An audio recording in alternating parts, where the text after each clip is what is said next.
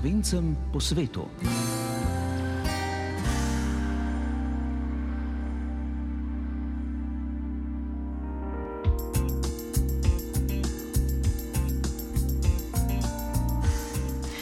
Lepo pozdravljeni v zadnji junijski oddaji. Prihodnji petek naše oddaje ne bo zaradi prenosa slovesnosti ob državnem prazniku Dnevu državnosti. Ko se bomo slišali prihodnjič, pa bo na koledarju že 1. juli. Ko smo že pri slovesnostih, naj omenim, da je bila nocoj na Brdo pri Kranju Slovesna akademija ob 30. obletnici ustanovitve Svetovnega slovenskega kongresa. V tokratni oddaji pa bomo govorili o konferenci slovenskih znanstvenikov in gospodarstvenikov iz Slovenije in sveta, ki je na Brdu v organizaciji Svetovnega slovenskega kongresa potekala minula dva dneva. Pogovarjali smo se tudi s primorsko igralko Metko Pavšič, ki kljub slepoti nezadržno ustvarja. Prihodnji teden jo čakata nastopa v Brnu in Pragi. Razložila je, kako poteka ustvarjalni proces pri igralcu, ki ne vidi. O motivih in vsebini prireditve naša slovenska beseda v Zrenjaninu v Srbiji smo govorili z Mileno Spremo, ki tam vodi slovensko društvo. Ob koncu koncu pa bomo pogledali še na otok, kjer se bodo slovenci in njihovi prijatelji jutri družili pod slovenskim kozovcem v bližini Londona. Vabljeni v našo družbo, z vami sem Živa Trček.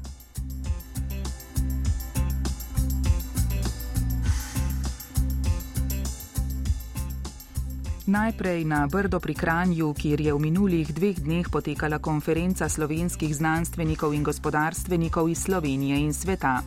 Osrednja izhodišča so bila energetika, sodelovanje slovenskih podjetij doma in v tujini, povezovanje slovenskega znanja, izzivi sodelovanja slovenskih strokovnjakov iz tujine, predstavitev dosežkov slovenskih znanstvenikov ter razprava o digitalizaciji in novih tehnologijah. Novi minister za slovence v zamejstvu in po svetu Matej Arčon je v svojem prvem uradnem nastopu v tej vlogi opisal vlogo svojega urada. Vemo, da gospodarstvo se pelje skozi različna ministrstva, različne eh, resorje na vse take in drugačne načine. Eh, sam pa vidim vlogo urada kot nekega povezovalnega člena eh, vseh teh institucij, seveda tudi z ciljem, Eh, da eh, to, kar je eh, moj predhodnik povedal, te ljudi, ki jih imamo v tujini, ki se želijo vrniti nazaj, izboljšamo dejansko pogoje, kar je zagotovo zaveza tudi te nove koalicije in da obstanejo tukaj. In veliki ziv je, kako tudi tiste, ki so izven slovenskih meja, ohraniti nek stik z matično domovino, z gospodarstvom. Ministr za izobraževanje, znanost in šport Igor Papič pa je izpostavil vlogo znanja in prenašanja znanja ter vračanja slovencev iz tujine. Prepričan sem, da nimamo težav z znanjem doma, še posebej, če seveda pozovemo k sodelovanju naše rojake po svetu, uh, imamo pa najbrž težave, kako učinkovito prenašati to znanje v vsakdanje življenje. Toliko kot neke osnovne usmeritve. Mogoče še navodilo, ki sem ga dobil od predsednika, to je bilo še v obdobju, preden smo se uradno formirali, naročil mi je, bodi ambiciozen. To je bilo prvo sporočilo. Drugo sporočilo je bilo, poskrbi in naredi vse, da se bodo naši strokovnjaki iz tujine brez težav lahko vračali v Slovenijo. Ministr za gospodarski razvoj in tehnologijo Matjaš Han je med drugim izrazil prepričanje, da lahko tudi slovenci v tujini in diplomatsko-konzularna predstavništva veliko prispevajo pri odpiranju vrat slovenskim podjetjem na tujem. Svoje izkušnje so predstavili tudi nekateri slovenci v tujini ter njihovi potomci. Bogdan Šalej, ki ima podjetje v Braziliji, kjer živi že zelo dolgo in razmere odlično pozna, je med drugim opozoril na problem zaupanja. Imamo situacijo, da slovenska podjetja in podjetniki dan danes še niso zgradili zaupanja do nas v tujini, da bi več sodelovali. Enostavno ga ni. Ne? Mi nismo prva vrata, ko on gre v tujino, da nas poišče. Mi smo mogoče zadnja vrata ali pa samo takrat, kadar se nastaja in pride do kakšnega problema. Opozoril je tudi na velik pomen delovanja žensk v podjetništvu žensko podjetništvo v diaspori je, čakajte, tata mata ni prava slovenska beseda, ne? ampak je temelj podjetništva. In je dokazano znanstveno, da tista podjetja, ki imajo vključeno družinsko in predvsem žensko, pa ki so na financah, so neizmerno bolj uspešne. John Doma, ki je rojen v Kanadi, njegovi starši pa so iz Prekmurja, vodi podjetje v Torontu. Ukvarja se z različnimi finančnimi storitvami, računovodstvom, davki. Med drugim je govoril o prednostih dela na domu, ki so ga uvedli med pandemijo. Če pomislimo samo na oglični odtis, ugotovimo, da z delom od doma zmanjšamo negativne vplive na okolje, saj zaposleni za službo ne potrebujejo avtomobilov, je dejal. Opozoril pa je tudi na pomen uporabe umetne inteligence, ki je po njegovem prav tako pomembna za prihodnji razvoj.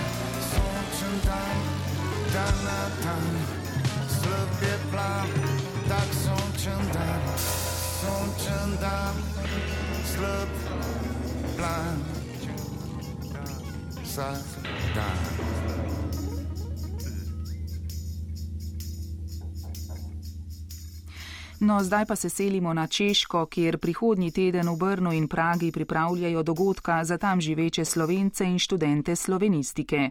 V ponedeljek v Brnu, v torek pa na slovenskem veleposlaništvu v Pragi bo nastopila primorska igralka Metka Pavšič, ki bo v sodelovanju z Emo Brelih predstavila kulturno dediščino povezano z Idrijo.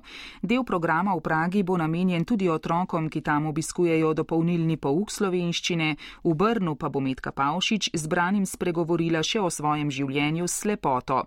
O tem, kako je kljub slepoti premagala ovire in postala igralka ter kakšne predstave ustvarja, sem se z njo pogovarjala v času priprav na nastopa na Češkem. V Pragi je sicer, kot mi je povedala, prvič nastopila že pred petimi leti. Za Društvo Češko-Slovenskega prijateljstva gospa Lena Šamonilova naj ju je zemo povabila, s predstavo ničesar ne obžalujem in smo vse čas pravzaprav ostali v enem takem lepem kontaktu. Zdaj je pa vabilo ponovno prišlo, sva bili res zelo veseli in so se z veseljem odzvali. V ponedeljek bom imela program v Brnu ob 18. uri v dvorani Barka. V torek pa bo potem v Pragi na veleposlaništvu najprej za otroke en tak programček srečanje z otroki, ki se učijo slovenščine. Potem ob 18. uri bo pa še ta pro, program za odrasle. Najbolj smo imeli v glavi ta državni praznik, da bi naredili eno tak mal tudi domovinski program na nek način. In potem, in potem sem res, ko smo priredili ta program, recimo najprej bom imela kratko gledališko predstavo o eni ženski iz mojih koncev, iz Crkljanske, o Melchiorci Marini. To bo 20 minut, potem bom odpela nekaj slovenskih pesmi in uh, bom uh, tudi nekaj odrecitirala in tako da bo, mislim, da za kakšno uro programa. Prej ste že omenili, odhaja va v dvojini, torej to ste vi in gospa ja. Ema Brelih, ne? Tako, to je moja sodelovka, uh, moja prijateljica, moja uh, zvesta spremljevalka, bom rekla um, osebno, ker mene je treba pač, mene je treba tudi spremljati, glede na to, da ne vidim Uh, ona je, bom rekla, ena res desna roka moja. Uh, tukaj v Pragi bo povezovala program uh, in tehnična podpora predstavi je, je bila že pred leti uh, v predstavi Ničesa ne obžalujem in je pravzaprav res ena taka zlata stalnica mojih nastopov. Uh, prej ste omenili, da bo del programa tudi Melchiorca. Uh, naslov predstave je um, Ne bojim se ne hudiča, ne biriča. Nastala je v produkciji mestnega muzeja Idrija. Podlaga je bila uh, en strokovni članek gospe Marije Trpin Mlinar, ki je pravzaprav to Melchiorco odkrila. To je po resničnih dogodkih, to ni izmišljena ženska. Ona je prvo poimensko znana tihotapka z idrijsko čipko in živim srebrom. Živela je v 18. stoletju, uh, potem je bila pa izdana in biriči so jo prišli ravno na božični večer iskat na njen dom, jo hudo pretepli in je bila potem zaprta v Idrijskem gradu. Gospa Lenka Bolev Rabec je dramatizirala potem to, to iz teh zgodovinskih dejstev eno tako dramo naredila. Zanimivo je to, da je bila takrat ženska tihotapka, uh, da se je pravzaprav družila s temi tipično moškimi, bom rekla, dejavnostmi, da se je ukvarjala. Pravzaprav kar um, v tem smislu napredna za tiste čase, če ja. se je ukvarjala z, z moško dejavnostjo. Absolutno, absolutno. Ve se, če zgodovinsko dokazano je, vse čas omenja v teh zapisih, da je imela doma enega uh, najbrž je imela več otrok, enega najmlajšega sina, ki ni bil zdrav in je najbrž tudi uh, zaradi, da bi tega sina kakšnemu zdravniku ali padarju pelala uh, in tako je več zaslužila, najbrž je bila pa tudi zelo živahnega duha. Uh, delala se je pa, ko je bila zaprta na gradu, je vse čas delala sive lase temu upravitelju rudnika Steinbergu, ker ona se niso vedela, a je trapasta, a se dela neumno. Skratka, v kozi roki je ognala uh, tega Steinberga, bil je vas, vas nervozen. Omenjali ste upravitelja rudnika, govoriva seveda o idrijskem rudniku živega srebrane. Tako je, tako je. Del uh, programa na Češkem prihodnji teden, nekaj ste že omenili, bo tudi srečanje, bo tudi program za otroke. Ja. Um, boste pa spregovorili tudi o svoji slepoti oziroma o življenju uh, nekoga, ki ja. ne vidi, kar ste tudi že na začetku ja. najnega pogovora ja. omenili. Kako uh, ste prišli do tega, da ste tako uspešna igralka, kljub temu, da ne vidite, kje ste našli energijo, moč, kako vam to uspe? Sama bi vam pravzaprav z razumom težko vse pojasnila, um, ker se mi zdi, da je toliko lepih okoliščin uh, vplivali na to. Tolk ljudi, ki so vame verjeli, je vpletenih uh, v to mojo, bom rekla, vse bolj uspešno zgodbo. Uh, jaz sem si že kot uh, mlada punca, že kot otrok, sem pravzaprav vse čas nekaj pela, pa nekaj uh, tako igrala, pa recitirala. Skratka, bila v tem zelo uspešna, tudi v Zavodu za slepen sabojno mladino. Kasneje sem Eh, potem se udeležila tudi enega tabora, gledališkega in, in tako, ampak ko sem jaz pred 19 leti pogledala upis za na fakultete, o, sem pogledala samo akademijo, ampak takrat je bil pogoj popolni vid in sluh in meni je bilo absolutno jasno, niti nikomor nisem govorila o tem, da bi si želela, eh, ker sem pač zatrla v sebi um, to, to željo. Um, sem pa se, nisem se kar tako prepustila, uh, sem kasneje potem še uh, tukaj v Idri uh, igrala, uh, v, a, začela sem pravzaprav gledališče slepih in slabovidnih na smeh, smo imeli takrat zelo eno uspešno predstavo in takrat sem tudi bila uh, izbrana za uh, mladinsko uh, igralko uh, v Sloveniji, ne sem dobila to Linkartovo priznanje. In to mi je dal potem, bom rekla, poleta ali pa manj enih dvomov, sem imela vase, oziroma sem vedela, da želim ta svoj talent um, izgrajevati, da želim svoje življenje usmeriti tudi v to, v to smer. In neverjetno, kar, kaj se je zgodilo čez toliko let, uh, so se tudi družbene, bom rekla, uh, družbene tele razmere nekako spremenile, postale bolj odprte in sem se pri 43 upisala na magistrski študij na Akademiji za gledališče, radio, film in televizijo eh, na smer govornega sporočanja. To je povdark na, eh, na govorni interpretaciji umetniških besedil.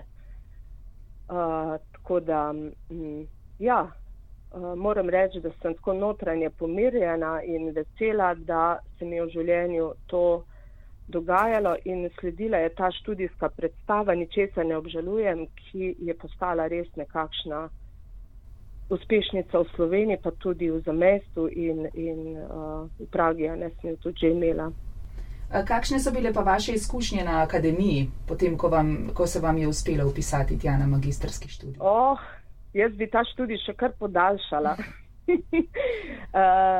bilo je dve leti, ne. Uh, ker je bil magistrski študij, ampak uh, odlično, odlično. Moram reči, da sem doživela čudovit uh, sprejem, normalen sprejem.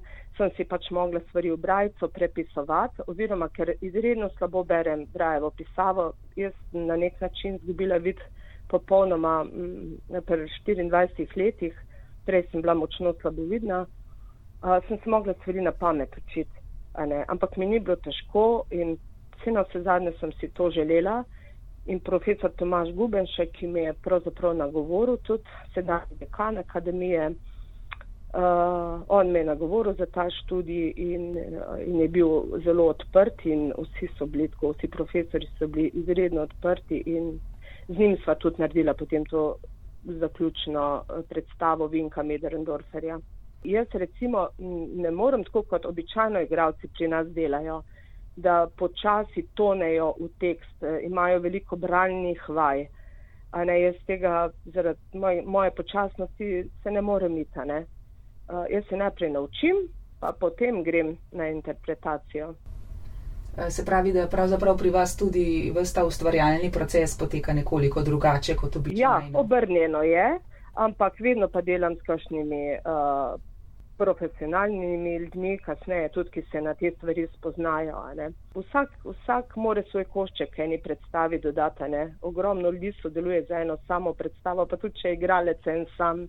No, vse, ko smo ravno pri igranju, v nedeljo se je končalo Boršnikovo srečanje in ravno to, kar vi zdaj omenjate, so omenjali, so omenjali tudi na srečanju na odru, da predstava niso samo igralci ali pa tisti, ki jih vidimo na odru ali pa ki so najbolj vidni, ampak še cel kup nekih drugih ljudi v ozadju. Absolutno, kdo je karkoli kdaj delal, uh, sploh pa če je delal bolj zares in bolj profesionalno, ve, da je vsak drobec uh, domišljen, uh, vsak svojo stroko mora uh, zraven dodati in velikrat je pač tako, da so igravci najbolj izpostavljeni ali pa smo izpostavljeni. Um, ampak res, kadarkoli, kadarkoli imam možnost, spregovorim o tem, ker se mi zdi na nek način tudi krivično, ker se včasih pozablja na vse tehnično osebje, na vse uh, režiserje se ponovadi še omenja, kakšne dramaturge že manj in tako naprej. Ampak tako pač je pri tem delu en glas vina mi dej, preko vrst znjarata.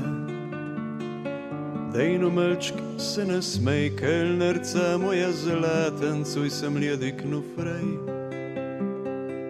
Jaz spet vastu sem sam, kadar štorija konča se. Ni lepo se ji priznam, treba je misliti na se, nje skrtko se ne dam. Ma hodi, hodi, si že ne ideš, kaj bojiš ga. Svet se ne bo podral od tebe, če ni hujiš ga, ni nobeden, če umrl.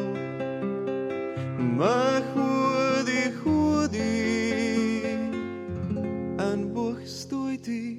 strani. Preveč rad sem te imel, da bi te rekel, ostani, da bi vsaj jokal snov.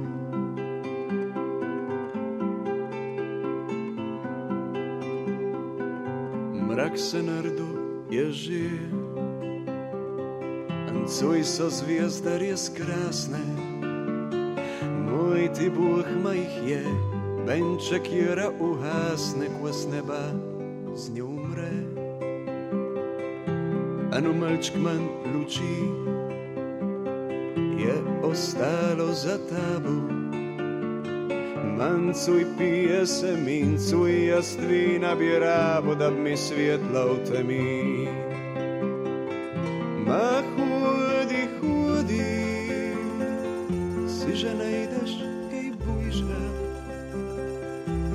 Se ne bo podral od tebe, če ni huj, že ni nobeden še umrl. Ma hudi, hudi, an Bog stoj ti ob strani. Preveč rad sem te imel, da bi te rekel, ostani, da bi vsaj jokat znal.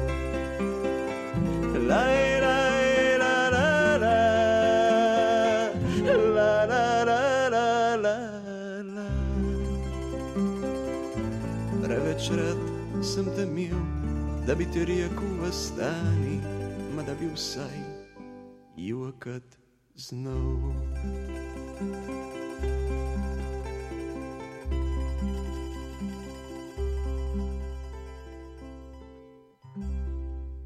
Ne le na Češkem, veliko se dogaja tudi med Slovenci v Srbiji. Pred nedavnim so v Zrenjaninu znova organizirali prireditev Naša slovenska beseda, ki je bila že 16. po vrsti. Slovensko društvo Planika v Zrenjaninu vodi doktorica Milena Spremo, dolgoletna učiteljica slovenskega jezika in kulture v Vojvodini. V pogovoru z Lili Brunec je povedala več o prireditvi, pa tudi o drugih dejavnostih društva. Naša prireditev, naša slovenska beseda je namenjena predvsem udeležencem naših društev in tudi seveda udeležencem in učencem dopolnilnega pouka slovenskega jezika v Srbiji pa tudi širše, se pravi, društvom iz sosednjih držav in včasih gostimo tudi kakšne gost iz Slovenije. Uh, se pravi, vsem, ki so slovenci, ki so slovenci po duši in tako naprej, vsem, ki radi nastopajo v slovenskem jeziku. Kako pa je vsebinsko zasnovana? Vsebinsko je zasnovana tako, da se pač učenci in udeleženci predstavijo s kakšno recitacijo, pesmijo, dramskim nastopom, karkoli, samo da je v slovenskem jeziku. Tako da bilo je tudi govora, da bi nekako kdaj tematsko barvali, ampak do zdaj nismo. No? Tako da vsak, ki želi, da se predstavi s pesmijo, z recitacijo, z nastopom, pa se potem to med sabo mi učitelji tudi dogovarjamo, no? tako, da niso iste točke na teh nastopih. Pa pride veliko ljudi, veliko udeležencev? Ja, ja, ja, vedno imamo čez 60 nastopajočih. Letos je bil naš poseben gost, naprimer zbor kamerata Slovenika iz Sarajeva, ki se je predstavil tako na naši prireditvi, naša slovenska beseda, kot tudi na mednarodnem zborovskem festivalu Slobodan Bursač tukaj v Zrenjaninu.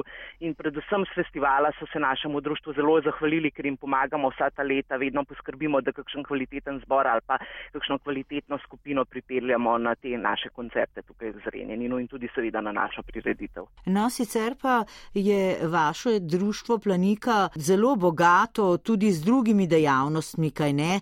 Ja, tako. Skozi vsa ta leta se trudimo res, da kvalitetno delujemo, da tudi naše člane, da so zadovoljni z našim delom.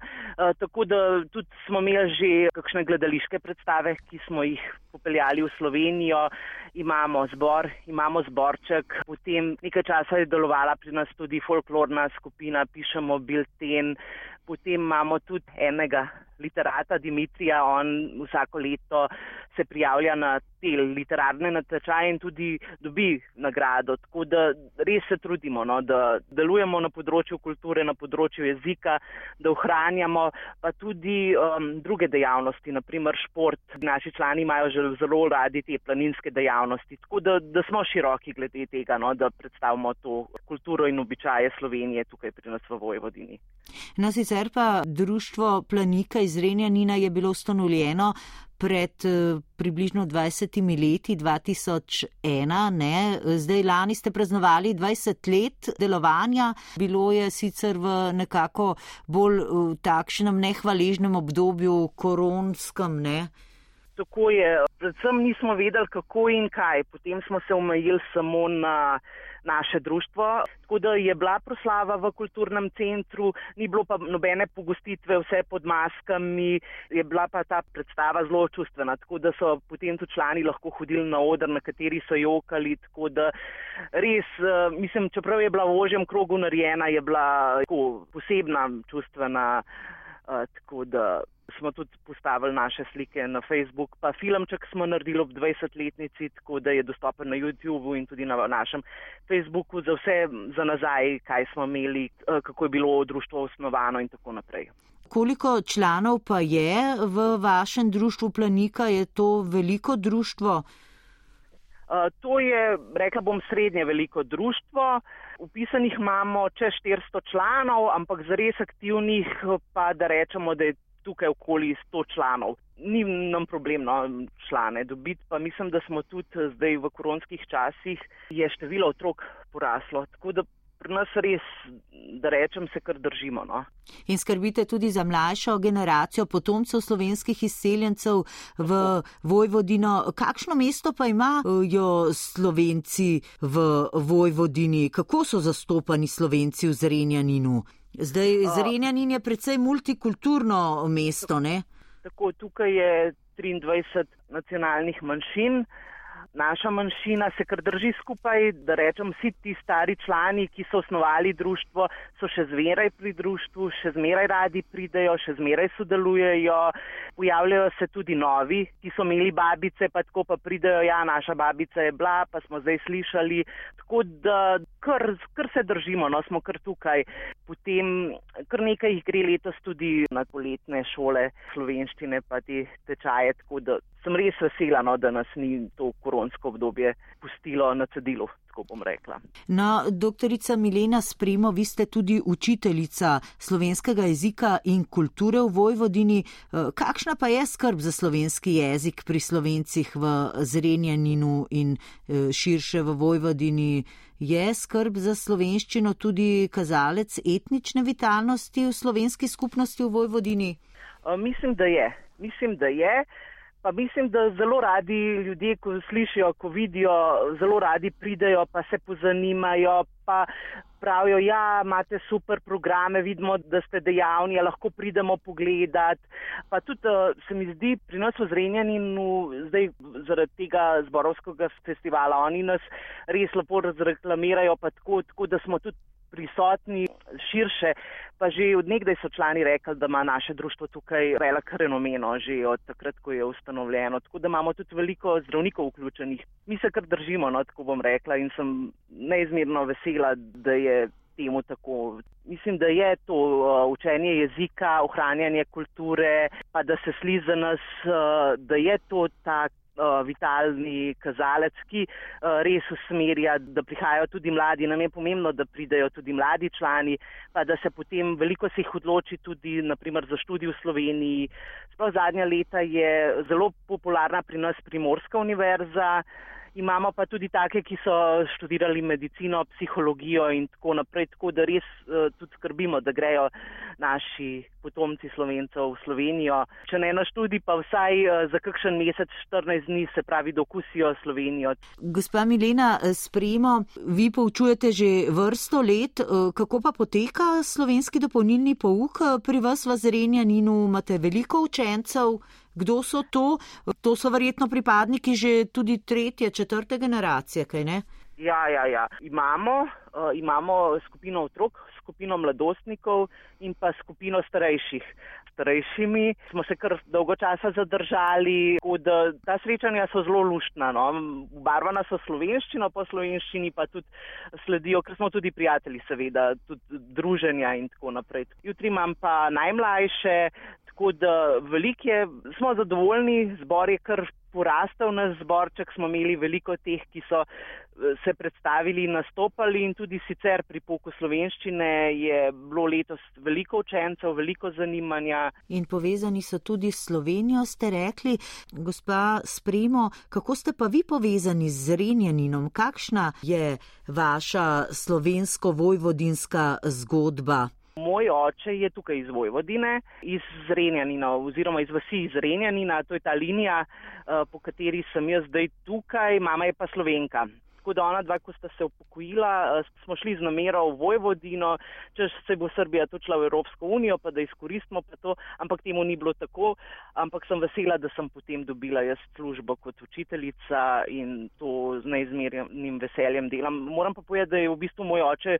v Sloveniji delal srednjo šolo, no, tako da v bistvu, z mama je pa v Nemčiji, kot slovenka je šla v Nemčijo delati, tako da mi smo kot neki nomadi, no, tako bom rekla, malo tukaj, malo tam. No, in tudi vi ste se izšolali v Sloveniji, kaj ne? Ja, ja, osnovno šolo sem končala, pa srednjo šolo, pa potem fakulteto, pa potem me je še naprej vleklo, pa sem magistrirala, pa potem tudi uh, doktorirala pri moji, nažalost, že pokojni mentorici, dr. Cvetki Tot. No, kakšno pa je mesto Zrenjan in kaj bi lahko rekli o mestu samem? Predvsej multikulturno je, kaj ne, etnična sestava prebivalstva je zelo pestra pri vas.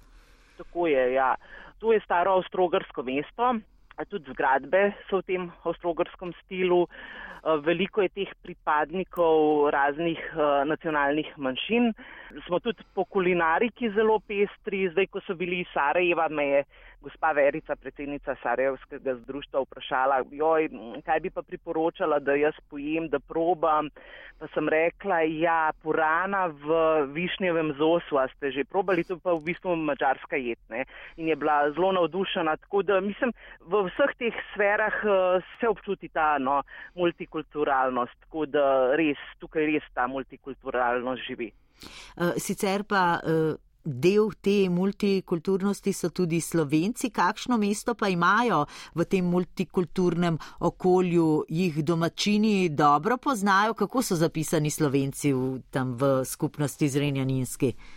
Ja, ja, ja, domačini nas dobro poznajo. Naše društvo ima tak res lep renome, sliši se za nas, eh, tudi predstavljajo nas na teh kulturnih prireditvah kot društvo, ki vedno pomaga, ki je vedno dostopno. tako da smo že odnegdaj poznani. Imamo tudi veliko uh, zdravnikov vpisanih v našo društvo. Med njimi je kar uh, nekaj takih, ki imajo res slovenske korenine. Drugi so pa prišli, ker so iz radovednosti kot prijatelji društva so se upisali. Tako da smo ugledno društvo in smo dobro zapisani tukaj. Mi smo vedno dostopni tudi v društvu, pa tudi zunaj društva. Največkrat se predstavimo v našem kulturnem centru Zrenjanin, smo pa tudi že v mačarskem domu Šandor Petehvi nastopali, tako da v bistvu tudi eh, manjšine sodelujemo med seboj. Spet je nova noč za zabavo, stara klapa nabira se, prodali bomo glavo za srce. Nora noč, ki naj nikoli ne mine, strast bi žgala boče. Ogen, ki bo prinesel spomine, soze in smeh. Ne bom pozabil na stare čase, si za enega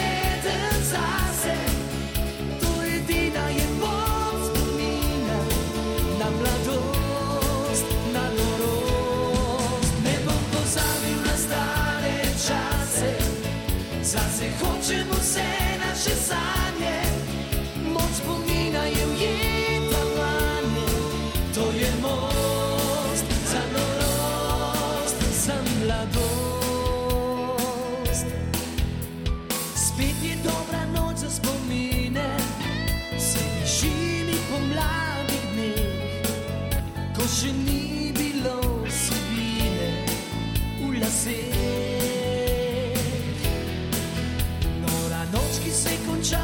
takrat, bo, ko bo zmanjkalo besed in bo vsak v svojem kotu srca bo klel ta svet. Ne bom pozabil na stare čase, si za enega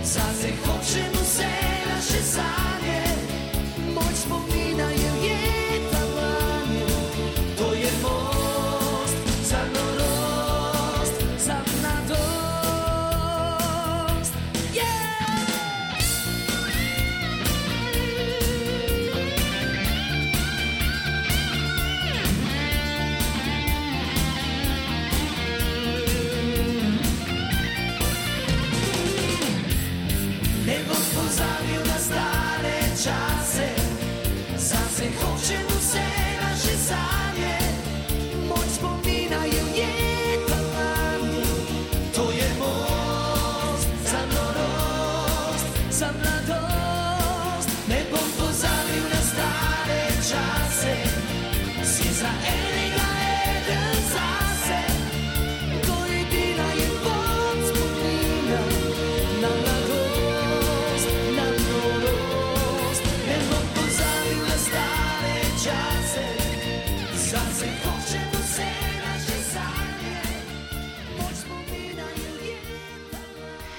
Zdaj pa še na otok, kjer je zelo dejavno britansko-slovensko društvo, ki povezuje slovence ter njihove sorodnike in prijatelje v Veliki Britaniji.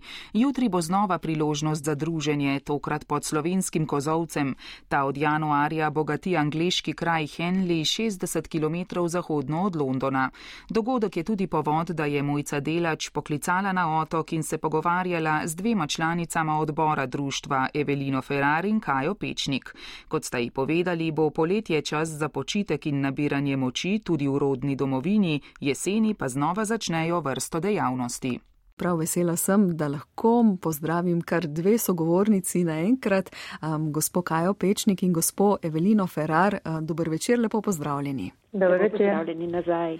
Gospa Kaja Pečnik, morda začnem pri vas. Prvič vas lahko spoznavamo v oddaji Slovencem po svetu. Povejte nam nekaj o sebi, že kar nekaj let ste tudi sami Slovenka po svetu, kaj ne? Tako je, ja, v UK sem se, oziroma v Združeno kraljestvo sem se preselila že 8 let nazaj, tako da čakam zdaj na pasaport. Preko igralstva sem, sem prišla v šolo eh, študirati igro.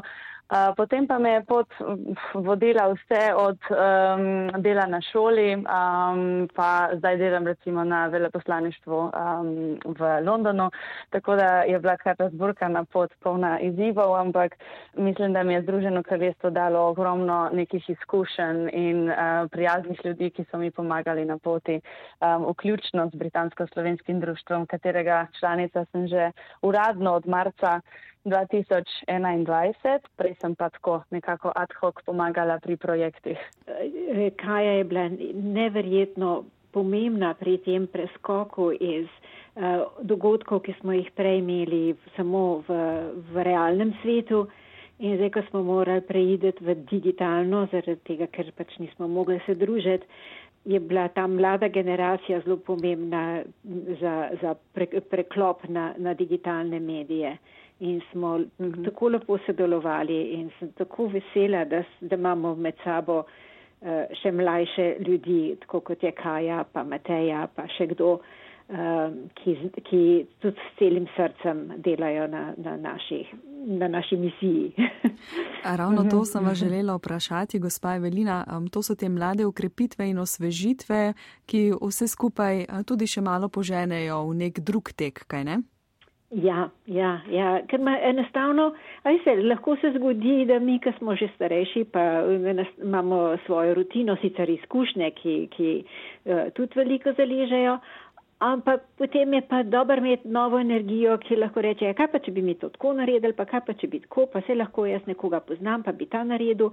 In to so ljudje, ki so v, v stalnem uh, gibanju in uh, z mrežo ljudi z, z pogledom v to, kaj se da na digitalnem področju narediti.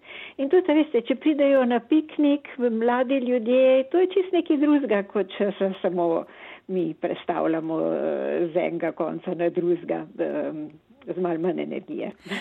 Pa, ko omenjate neformalna druženja in piknike, seveda besedo namenimo jutrišnjemu sobotnemu pikniku, s katerim nekako nadaljujete tradicijo družen iz prejšnjih let in kozolec v Henliju spet stoji. Gospa Evelina, morda najprej vas prosim za kakšno besedo in misel ob tem. Ja, mi smo tako zelo veseli, da končno spet kozovlec imamo. Se, mislim, da sem že kdaj prej povedala, da smo imeli prej kozovlec v uh, arboretumu blizu Oxforda, ampak uh, ni nišče skrbel za njega, pa tudi ni bil naš, tako da tudi mi nismo mogli skrbeti za njega. Ampak smo se pa redno srečavali ob tem kozovcu in je bila to res kar neka tradicija potem, ko so ga uh, razstavili zaradi, tudi zaradi interes, drugih interesov arboretuma, smo kar bili nekako brez kozovca in je bilo to kar neka praznina. No in k sreči smo potem uh, skombinirali in sredstva in uh, kraj, kamor smo ga lahko postavili in Henley nas je sprejel z odprtimi rokami, tako da smo res hvaležni.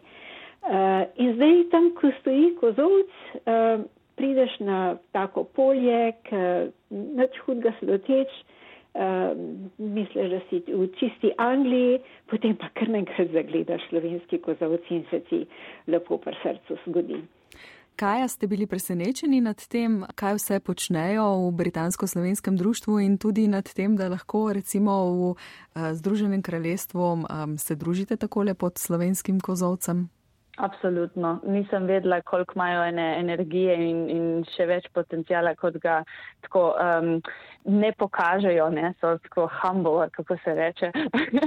Ampak ja, ne, neverjetni so. No? Nasplošno, na um, jaz recimo mal bolj um, delam z Evelino pa Markusom, ki, ki ne samo, da um, delujeta preko Britansko-slovenskega društva s projekti, ampak tudi prevajata. Tako da je ta neka vez med, med Slovenijo in Anglijo je tako pomembna in, in se ta, na, na tak lep način neguje in potem, ko vidiš, recimo na preširnem večeru sem videla prvič, ker nisem še nikoli bila, kaj to pomeni, koliko veliko in lepo skupnosti imamo in koliko je njih čudovitih ljudi, ki so na različnih področjih zelo uspešni in, in je zelo lepo videti, da v bistvu se odzovejo tem vabilom, uh, tudi recimo na piknik so se odzvali in um, pride še, še mlajši pomladek in otroci in vse tako, da je, da je res, res čudovito videti um, okrog kozovca, ker pač prihajam z primorske in mi kozovcev nimamo recimo tako, ko imajo potem, vem, Štajerska ali pa Koroška in, in je res, res, res pogreje um, pri srcu, um, ko na enem polju zagledaš kozole, zdaj že sem pa doma,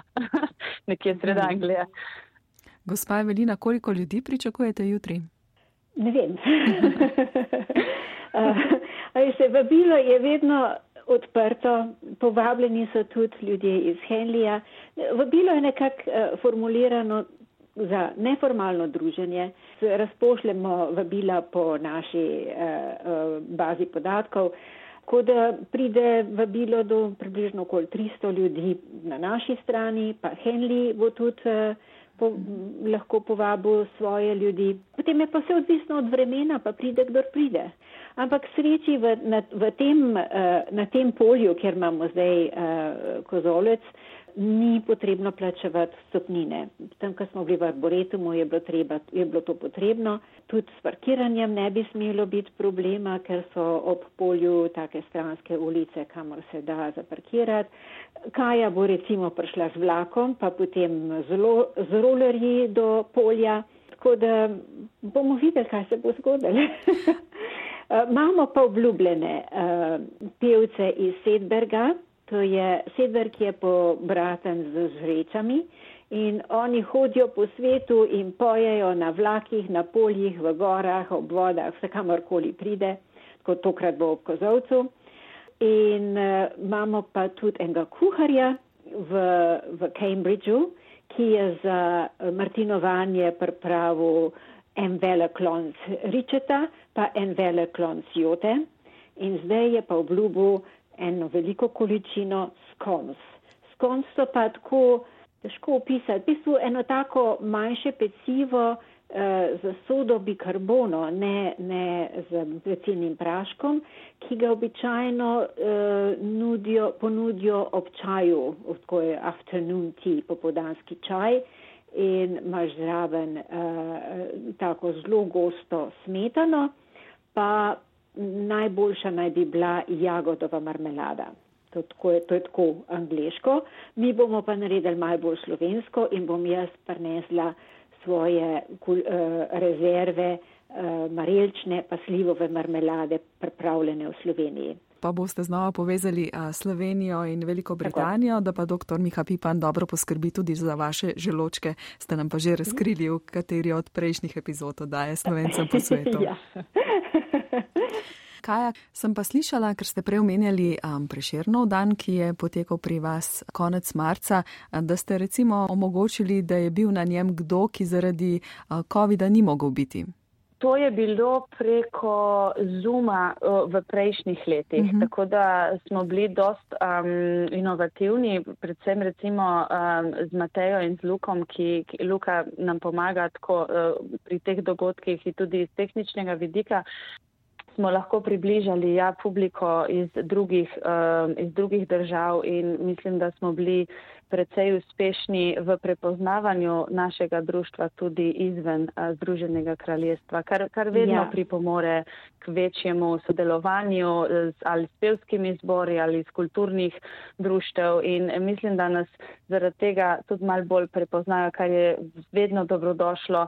Uh, v naprej pa to je sicer nekako tak, še nekako začrtan uh, načrt, v bistvu še v povojah, ampak uh, se bomo kar posluževali nekega hibrida. Na zadnjem preširnovem večeru je pa tudi ena kolegica Mateja zbolela v zadnjem trenutku A, ja. Mhm. in je Kaja imela vse čas vklopljen svoj telefon, tako da je lahko uh, Mateja sledila večeru in pela zraven in plesala, tako kot vsi ostali. Na to Samo sem ciljala, ja. je zelo velika oboževalka vlada Krislina, tako da sem ji obljubila, da bom bila na telefonu, čeprav sem prot uh, telefonom na zabavah, ampak recimo, da sem naredila za njo izjemo.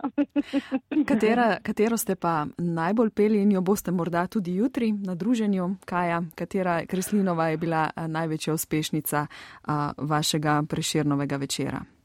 Ja, jaz mislim, da je bila dekle moja pojdi z menoj um, vključno s pevskim zborom, ki se je formiral tekom večera. Uh, mislim, da je tudi ena taka um, vem, najbolj prepoznavna Kreslinova, tudi če recimo ne poznaš drugih pesmi, ta, ta je že taka skoraj ponarodela.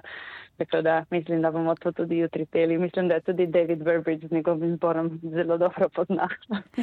pa jo bomo za ogrevanje zavrteli tudi nocoj odaj slovencem po svetu in tudi s povabilom za rojakinje in rojake v Veliki Britaniji, ki morda to zdaj poslušajo, pa se bodo spontano odločili, da se vam jutri pridružijo ali pa na katerem od prihajajočih dogodkov.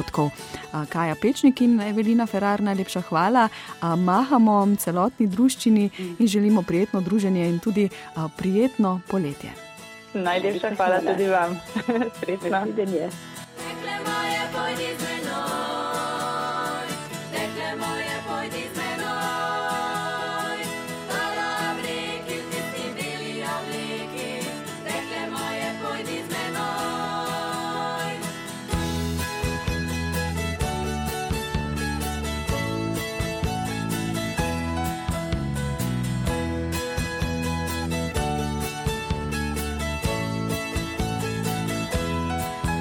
Se zvezda tam na vodi blešči, zvezda tam na vodi blešči. Ne to je venec zvezdavi na tvoji glavi, to ni zvezda, ki se v vodi blešči. Dekle moje, pojdi z menoj, dekle moje, pojdi z menoj.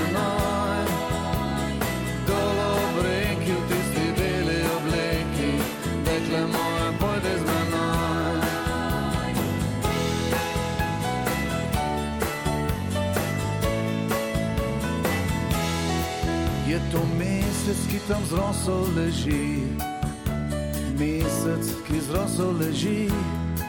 Ne to sta naj ne postavil, mahki rostni travi, to ni mesec, ki zrosel leži.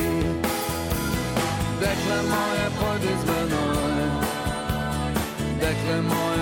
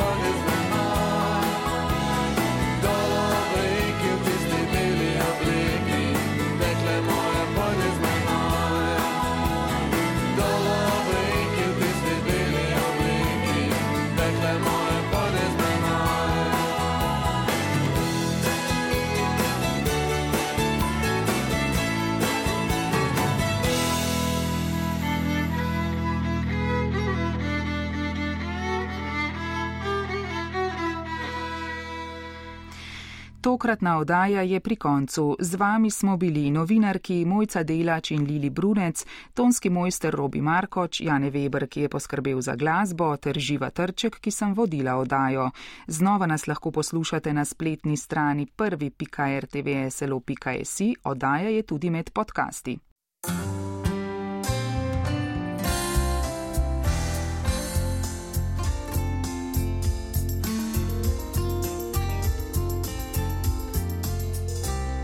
Slovencem po svetu.